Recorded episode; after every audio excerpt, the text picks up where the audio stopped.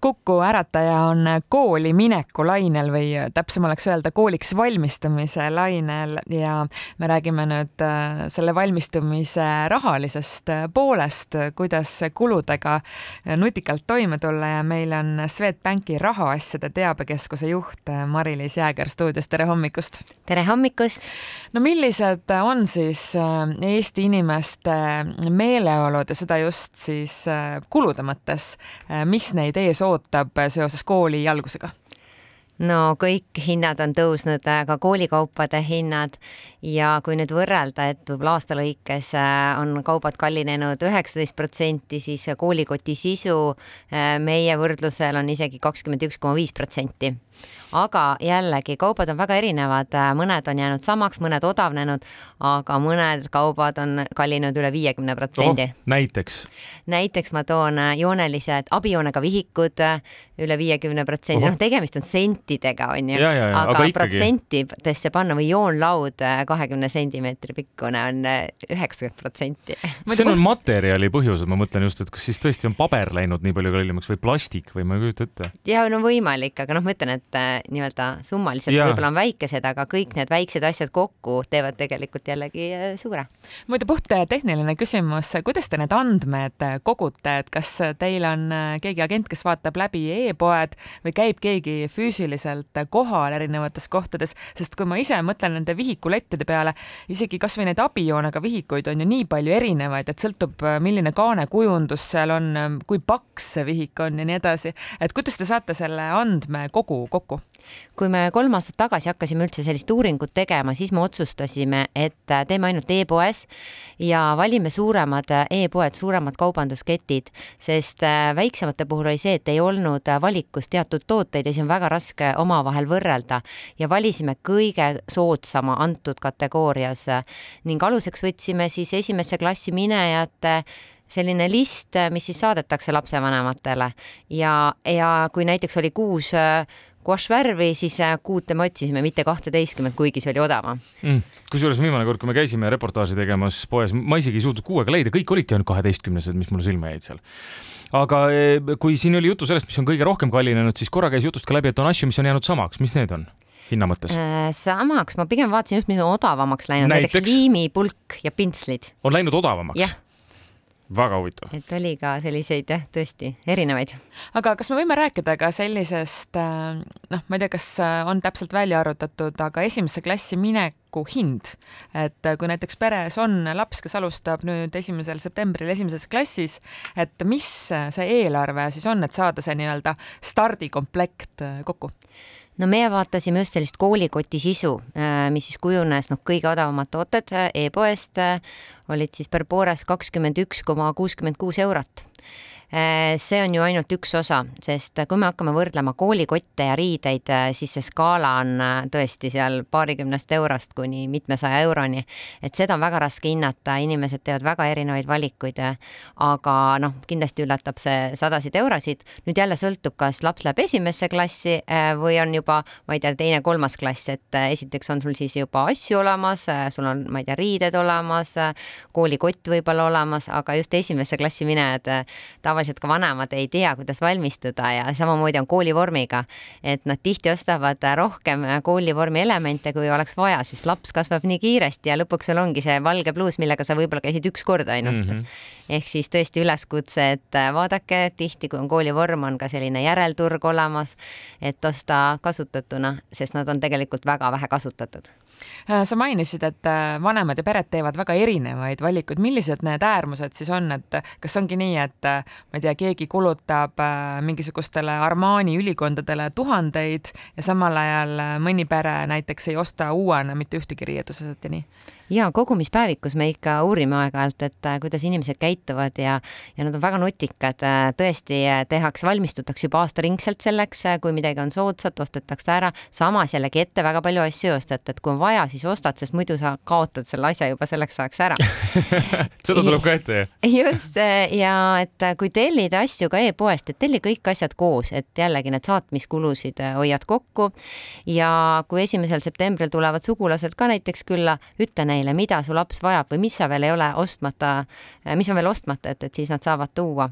ja jällegi see hulgi tellimine ka, et, et Intenpennid olid seal teemaks, et äh, neid kulub äh, aasta jooksul päris palju, need kustutata, kustutavad. Ja et telli hulgi kuskilt e-poest, et on palju soodsam. Mm..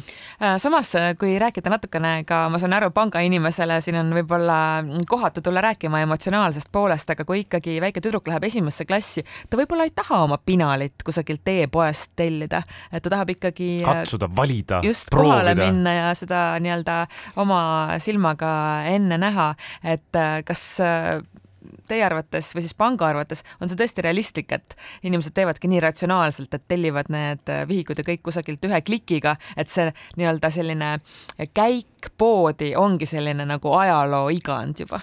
Mm, ma ei ole päris nõus sellega tõesti, et kui esimesse klassi lähed või üldse kooli, äh, kaasata tasuks kindlasti ka laps äh, ja anda lapsele valik, näiteks kolm valikut, äh, et tema saaks ikkagi otsustada, millise pinaliga sa tahad minna.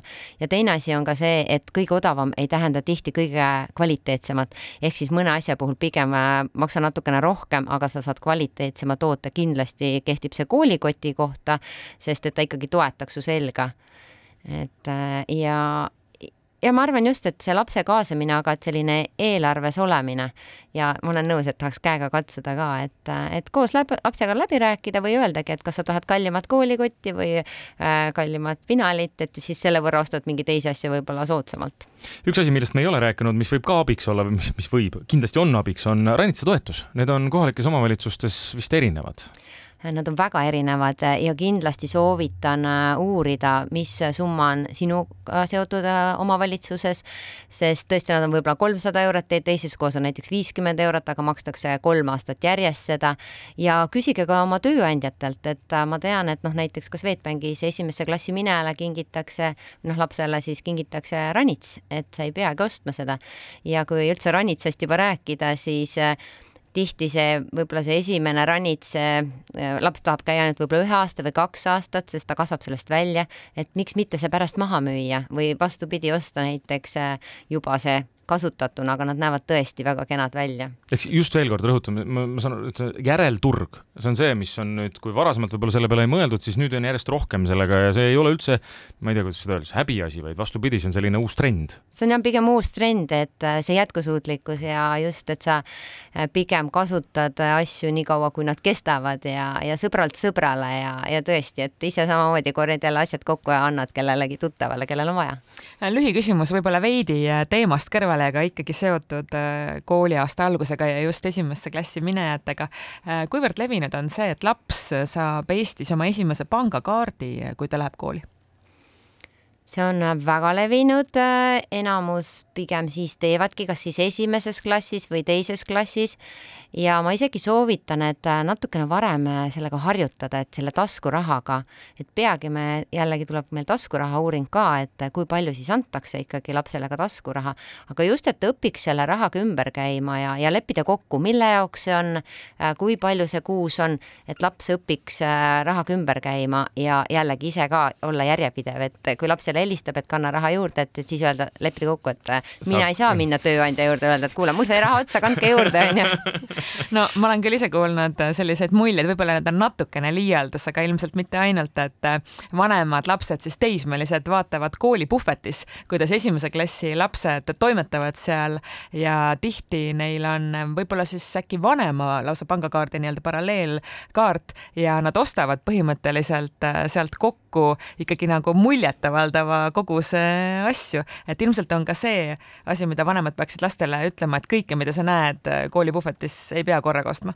kindlasti võiks lapsega rääkida, kuhu see raha kulub, kuidas ta kasutab, öeldagi, näed, puhvetis maksab see, ma ei tea, üks kakskümmend, poes maksab kaheksakümmend senti, ostame koos ära või ostame varem need asjad, võtad kodust kaasa, et see on see õpetuse koht ja ega tihti ostetakse ju kogu klassile neid asju, on ju.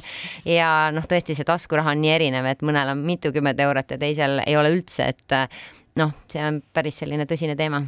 Mari-Liis, ehk siis kokkuvõttes saame öelda, et äh, koolikoti sisu äh, maksab kakskümmend üks protsenti rohkem, kui ta maksis aasta tagasi ja ütleme nüüd esimesse klassi mineja, ütleme, jätame Ranitsa kõrvale umbes, mis see summa oli siis, mis täis maksab nüüd?